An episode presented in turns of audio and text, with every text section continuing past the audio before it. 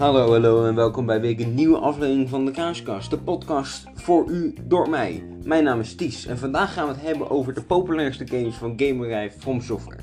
Veel van jullie zegt dit weinig en daarvoor ben ik er. De games waar ik het over ga hebben zijn Dark Souls 1, Dark Souls 2, Dark Souls 3. Daarna ook nog Bloodborne, Sekiro, Sekiro Shadows Die Twice en overige games. Overige games zitten onder andere Demon Souls in, maar ook Souls-like games. Dit is omdat ik Demon Souls nog niet heb gespeeld en ik daar mijn mening niet over kan geven.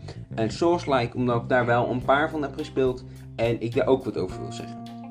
Dit is aflevering 6 van de Kaaskast, maar omdat het een lange, langere aflevering wordt, heb ik het verdeeld in meerdere delen. Zodat u ze apart kan luisteren of als u niet van alle games wil horen, maar alleen van één specifieke game. Er kunnen ook eventuele spoilers zijn, dus kijk daarvoor uit. Met alles gezegd gaan we beginnen.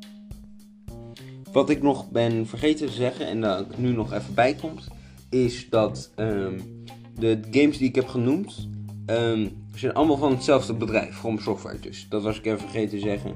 Maar veel Souls-like games, die zijn eh, juist niet van From Software. Anders zouden ze gewoon Souls games zijn. Eh, ik was het even vergeten te zeggen en nu is dat duidelijk hoop ik. Eh, veel plezier met de aflevering.